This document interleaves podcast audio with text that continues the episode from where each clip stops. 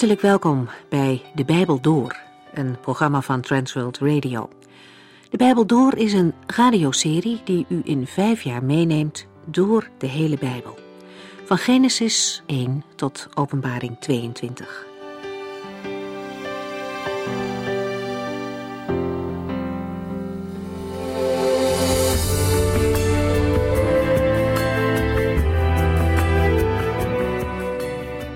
Lieve mensen, welkom.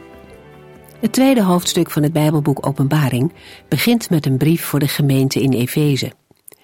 Het is de eerste van zeven brieven die in hoofdstuk 2 en 3 worden genoemd. Efeze was een belangrijke stad in Klein-Azië.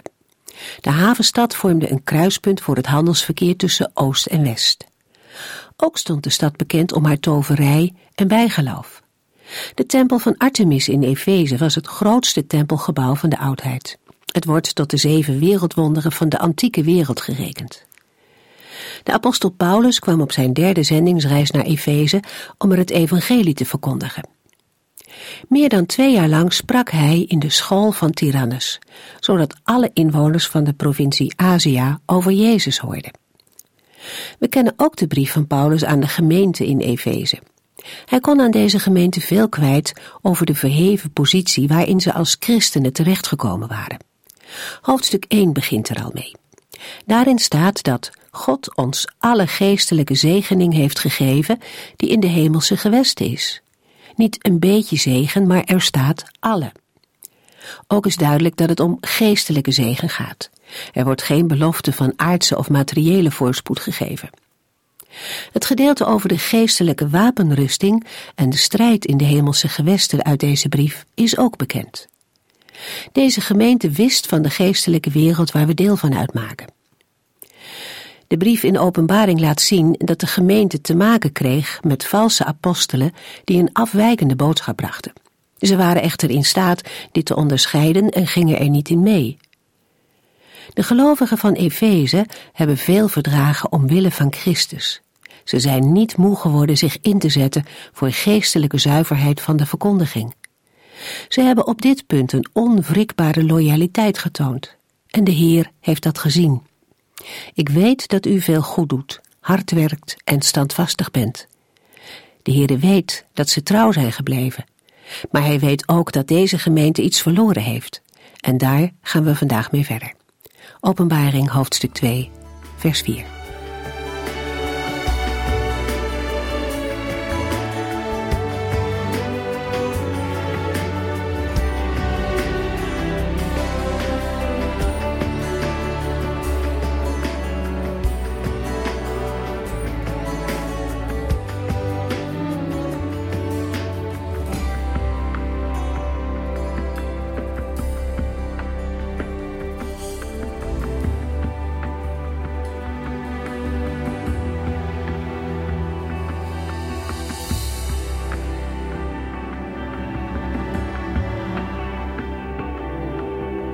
In de vorige uitzending zijn we begonnen met de bespreking van de eerste van de zeven brieven die Johannes in opdracht van de Heer Jezus Christus moet schrijven en versturen. De aanduiding brieven kan op het verkeerde been zetten. Dit omdat de indruk kan ontstaan dat de brieven apart zijn verzonden en pas later aan het Bijbelboek Openbaring zijn toegevoegd. Maar dat is niet het geval. Vanaf het begin hebben de brieven in het Bijbelboek gestaan. Ze zijn onlosmakelijk met de andere inhoud van het Bijbelboek verbonden. De uitleg van het Bijbelboek laat dat zien. De brieven zijn ook gericht aan de christengemeenten zelf, aan de hele kerk.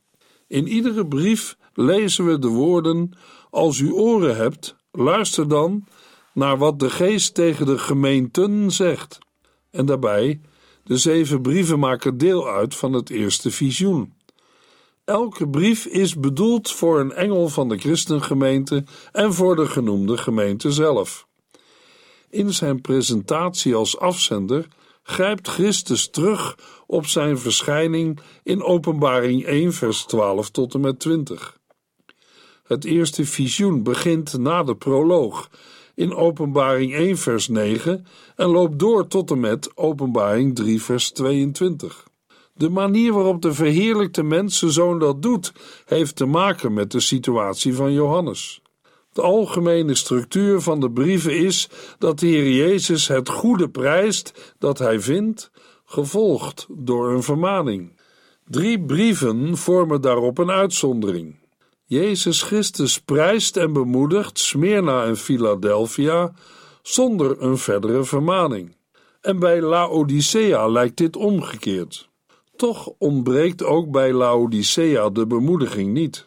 We lezen in Openbaring 3, vers 19: Mensen die ik lief heb, roep ik ter verantwoording en bestraf ik. Doe dus uw best en kom tot inkeer. Elke brief eindigt met een aansporing om te luisteren naar wat de Heilige Geest tegen de gemeenten zegt, als ook met beloften voor wie overwint. En Openbaring 19 tot en met 22 laat zien dat de Heere zijn belofte waarmaakt. Zo laat Jezus Christus, de verheerlijkte mensenzoon, zien dat hij daadwerkelijk tussen de kandelaars zijn gemeenten staat en wandelt. Hij is op de hoogte van de geestelijke kracht die blijkt uit de werken en daden van elke christengemeente. Steeds lezen we in de brieven dat Christus zegt: Ik weet. In de brief laat de Heer Jezus ook zien dat niet alle christengemeenten zijn opgewassen tegen de gevaren die hen bedreigen. De gevaren die we in de verschillende brieven tegenkomen zijn de volgende. In de gemeente van Efeze vinden we zogenaamde apostelen die leugenaars blijken te zijn. Met andere woorden, in Efeze hebben de gelovigen te maken met mensen die zich met een valse leer opdringen aan de gemeente. In Pergamum en Thyatira laten de gelovigen de valse leraars hun gang gaan. Daarnaast vinden we in de gemeenten van Efeze, Sardis en Laodicea gelovigen met een zwak geloofsleven. Uit de brieven van de gemeenten van Smyrna, Pergamum en Philadelphia blijkt dat zij leven in een samenleving die druk uitoefent op de christengemeenten, zowel politiek als godsdienstig. Met de zeven brieven wil Christus zijn gemeente voorbereiden op de dingen die binnenkort gaan gebeuren. De spanningen zullen toenemen en dan is het zaak om sterk te staan en te volharden in het geloof. We lezen in Openbaring 14, vers 12: Daarom moeten zij die God toebehoren, standvastig zijn geboden blijven gehoorzamen en in Jezus blijven geloven. In de vorige uitzending hebben we gezien dat de aanhef van de eerste brief begint met: Dit zijn de woorden van Hem. Het zijn woorden die verwant zijn met die van de profeten van het Oude Testament. Zo zegt de Heere. In de eerste vier versen van Openbaring 2 is ook duidelijk geworden dat de gemeente van Efeze te maken heeft met slechte mensen die zich uitgeven voor apostelen, maar het niet zijn. Er was een kring van helpers en medewerkers actief rond de twaalf leerlingen van Jezus en Paulus, die ook apostelen werden genoemd. Barnabas was er één van. Deze slechte mensen wilden door zich uit te geven als apostel toegang krijgen tot de christengemeente. Maar in 2 Korintiërs 11 vers 13 horen we Paulus zeggen: Die mannen werken helemaal niet voor God. Zij zijn niet door hem gestuurd. Het zijn huigelaars die u hebben wijsgemaakt dat zij apostelen van Christus zijn. In de gemeente van Efeze werden deze mannen op de proef gesteld. En toen bleek dat ze geen echte apostelen waren. In 2 Petrus 2 schrijft de apostel Petrus over mensen die zich niets van God aantrekken, als ook over valse leraren. We lezen in 2 Petrus 2 vers 9 tot en met 22 De Heere kan de mensen die doen wat hij wil en hem liefhebben, helpen de verleidingen te weerstaan. En hij kan zijn straf bewaren tot de grote oordeelsdag voor de mensen die zich niets van hem aantrekken. Dat laatste geldt vooral voor hen die zich aan hun schaamteloze hartstochten overgeven, voor hen die trots en eigenzinnig zijn, die zich van enig gezag niets aantrekken en zonder blikken of blozen met geestelijke machten durven spotten. Zelfs de engelen, die in de nabijheid van God leven en veel groter en machtiger zijn dan deze zogenaamde leraren, zullen deze machten niet beledigen of beschuldigen. Deze zogenaamde leraren hebben niet meer verstand dan wilde dieren, die geboren zijn om gevangen en verslonden te worden. Zij lachen om wat ze niet eens kennen, maar zij zullen door hun eigen verderfelijk gedrag omkomen. Zij zullen het loon krijgen dat zij verdienen voor al het kwaad dat ze hebben gedaan. Zij vinden het heerlijk zich overdag aan van alles te buiten te gaan. Ze zijn een schande voor God en voor u. Terwijl zij bij u aan tafel zitten, bedenken zij wat hun volgende sluwe streek zal zijn. Ze zijn altijd op zoek naar vrouwen die met hen naar bed willen. Zij krijgen nooit genoeg van de zonde. Zij verleiden mensen die niet zo vast in hun schoenen staan. Hun hele leven wordt beheerst door hebzucht, maar zij zullen niet aan de straf ontkomen.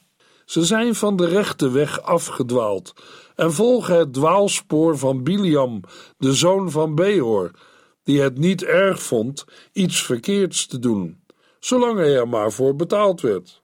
Maar hij werd terechtgewezen door zijn ezel, die met de stem van een mens tegen hem sprak. Dat stomme dier weerhield hem ervan domme dingen te doen. Deze mensen zijn net opgedroogde bronnen. Zij beloven veel, maar geven weinig. Zij zijn net wolken die door de wind worden voortgejaagd. Wat hun te wachten staat, is de zwarte duisternis. Zij pochen over hun veroveringen en zonden.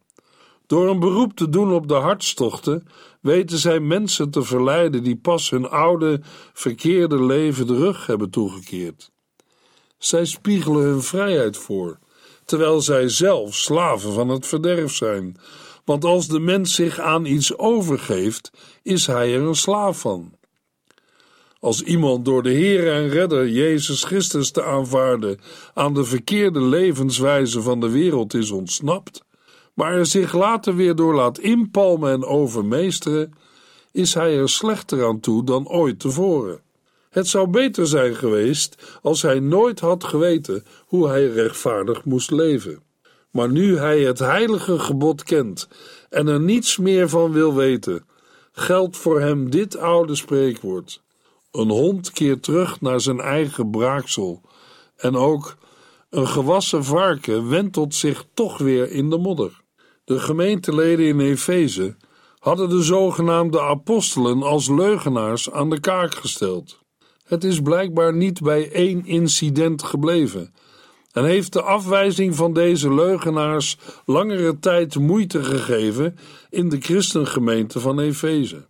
In Openbaring 2, vers 3 zegt de Heer Jezus tegen de gelovigen van Efeze: Ik weet dat u mij dwars door alles heen trouw bent gebleven.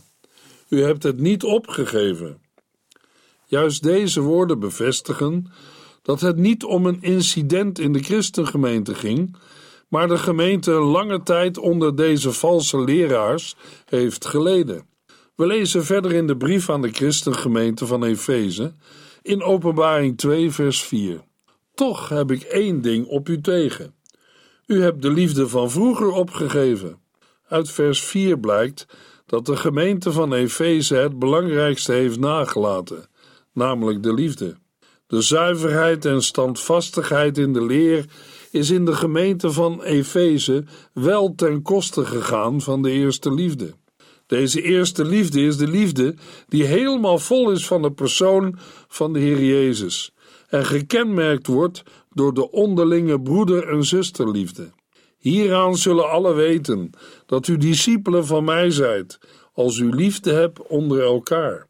Hoewel de liefde van God en de liefde voor elkaar niet te scheiden zijn, wijst vers 5 erop met de woorden dezelfde dingen doen als vroeger, dat de Heer Jezus hier toch op de eerste plaats de onderlinge liefde in de gemeente op het oog heeft.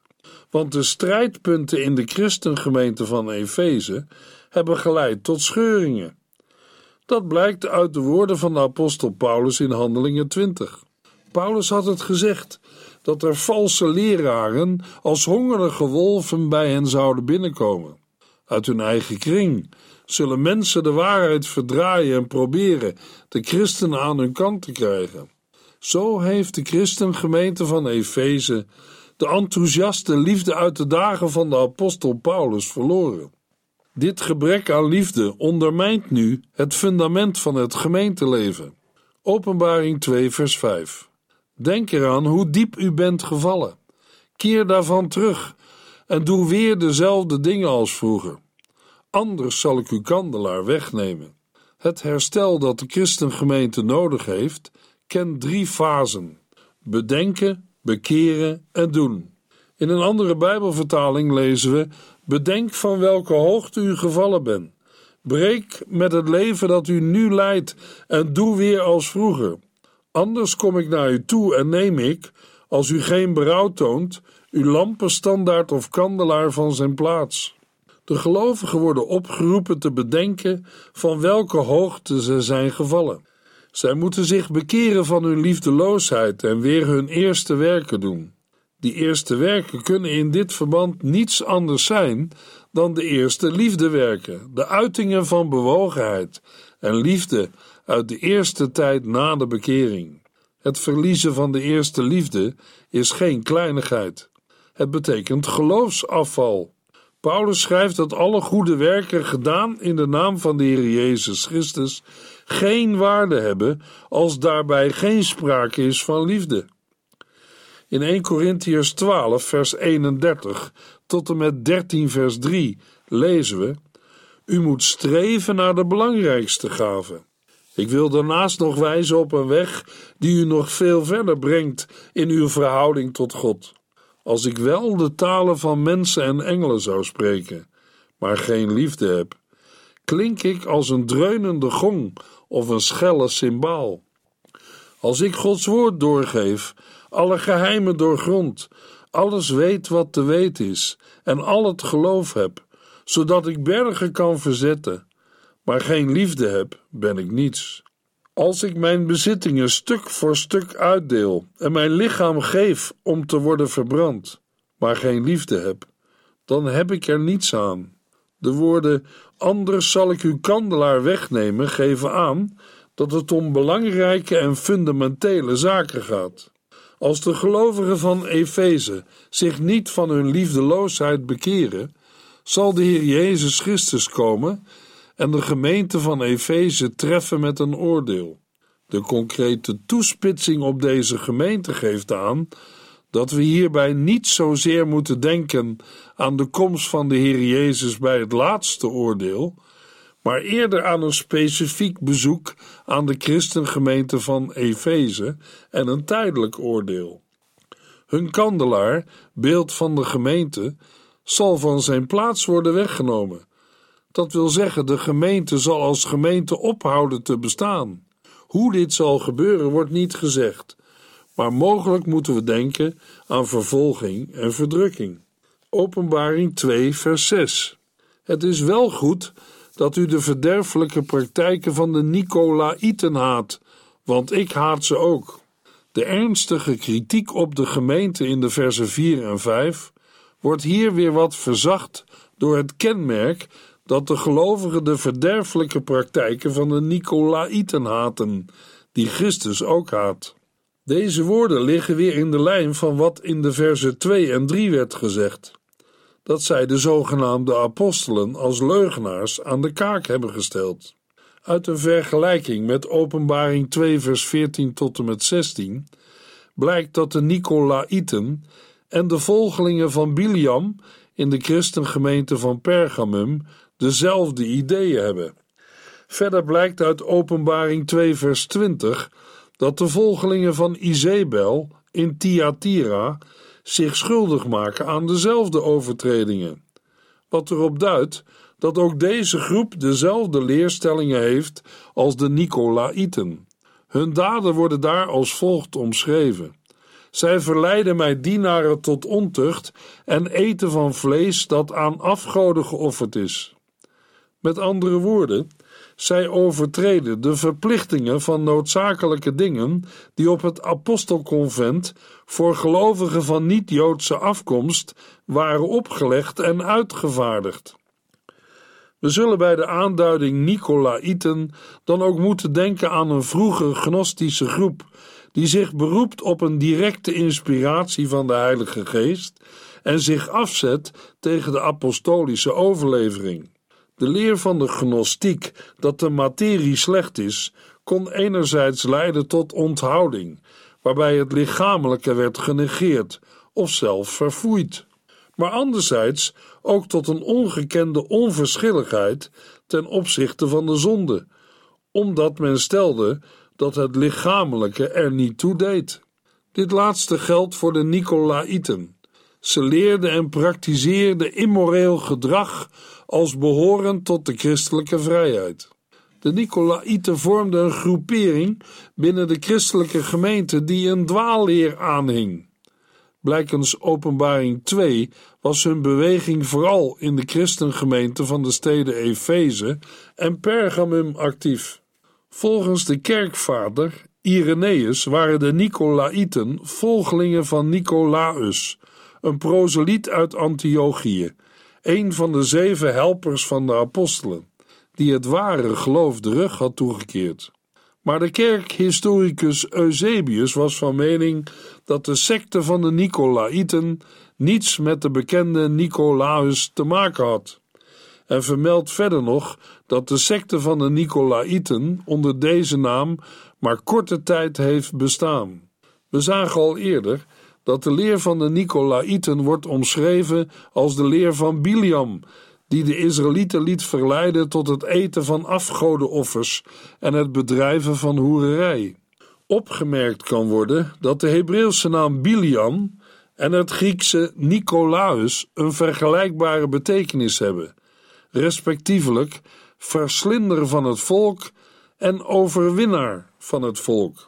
Het deelnemen aan heidense offermaaltijden en het bedrijven van ontucht is onverenigbaar met het christelijk geloof. Als ook, zoals we al eerder zagen, in strijd met de bepalingen van het apostelconvent. In feite wilden de Nicolaïten een compromis tussen het christelijk geloof en de Griekse filosofie.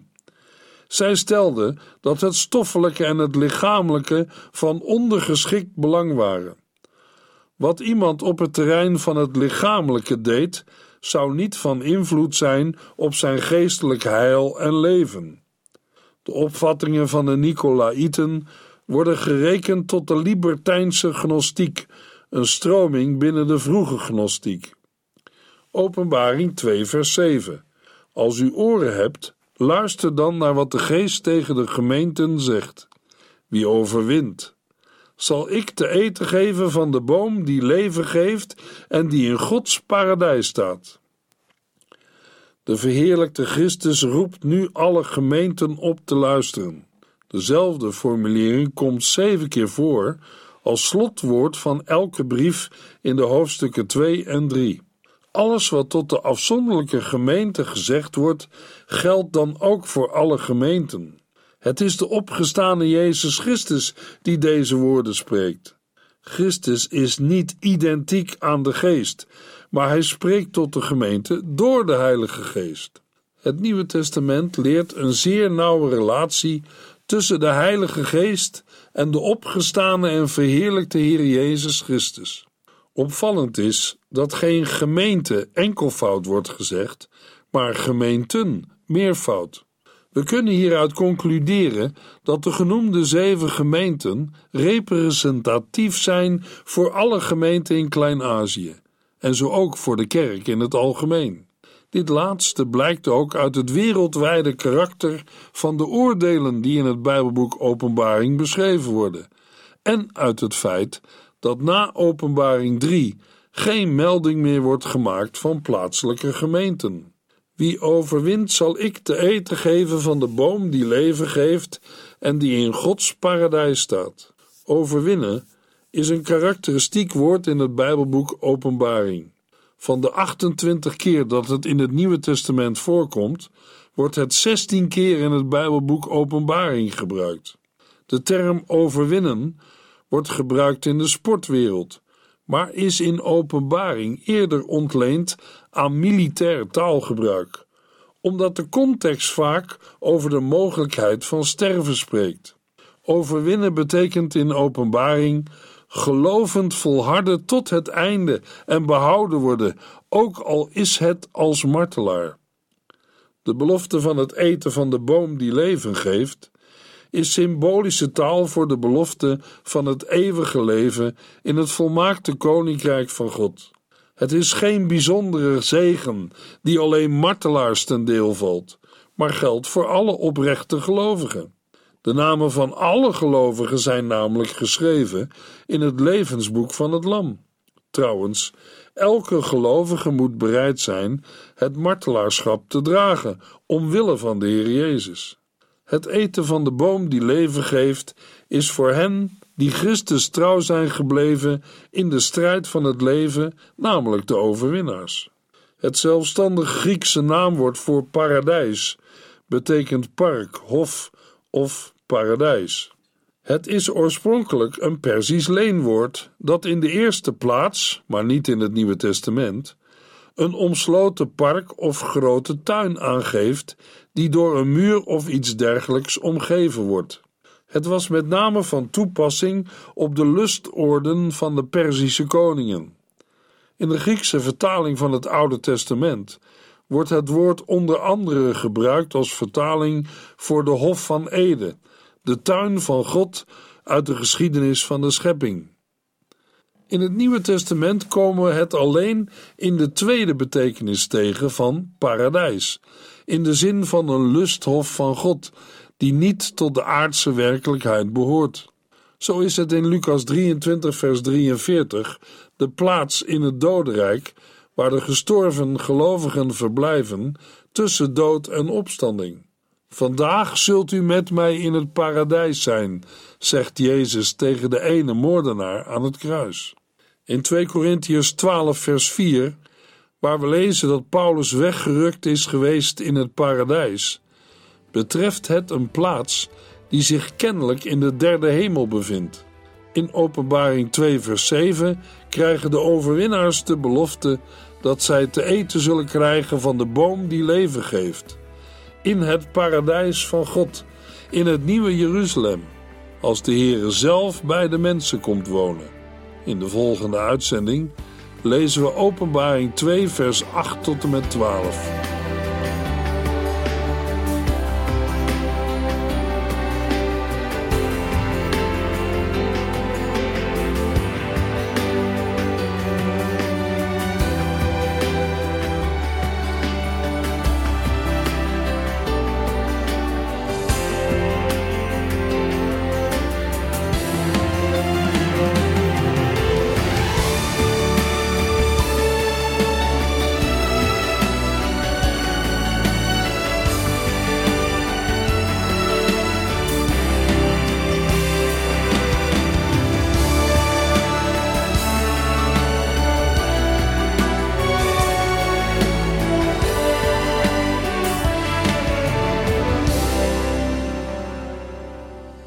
Geluisterd naar De Bijbel Door. In het Nederlands vertaald en bewerkt door Transworld Radio. Een programma waarin we in vijf jaar tijd de hele Bijbel doorgaan. Als u wilt reageren op deze uitzending of u heeft vragen, dan kunt u contact met ons opnemen. Tijdens kantooruren kunt u bellen op 0342 47 8432. 0342 47 8432. 32. Ook kunt u een e-mail sturen naar de Bijbel door transworldradio.nl en natuurlijk kunt u ook via de post ons bereiken. TWR, postbus 371, postcode 3770, AJ in Barneveld. Dit programma werd gepresenteerd door Corweda en Ike André. Techniek was in handen van Odin van Woerdenkom. En namens ons allemaal bedanken we u van harte voor het luisteren.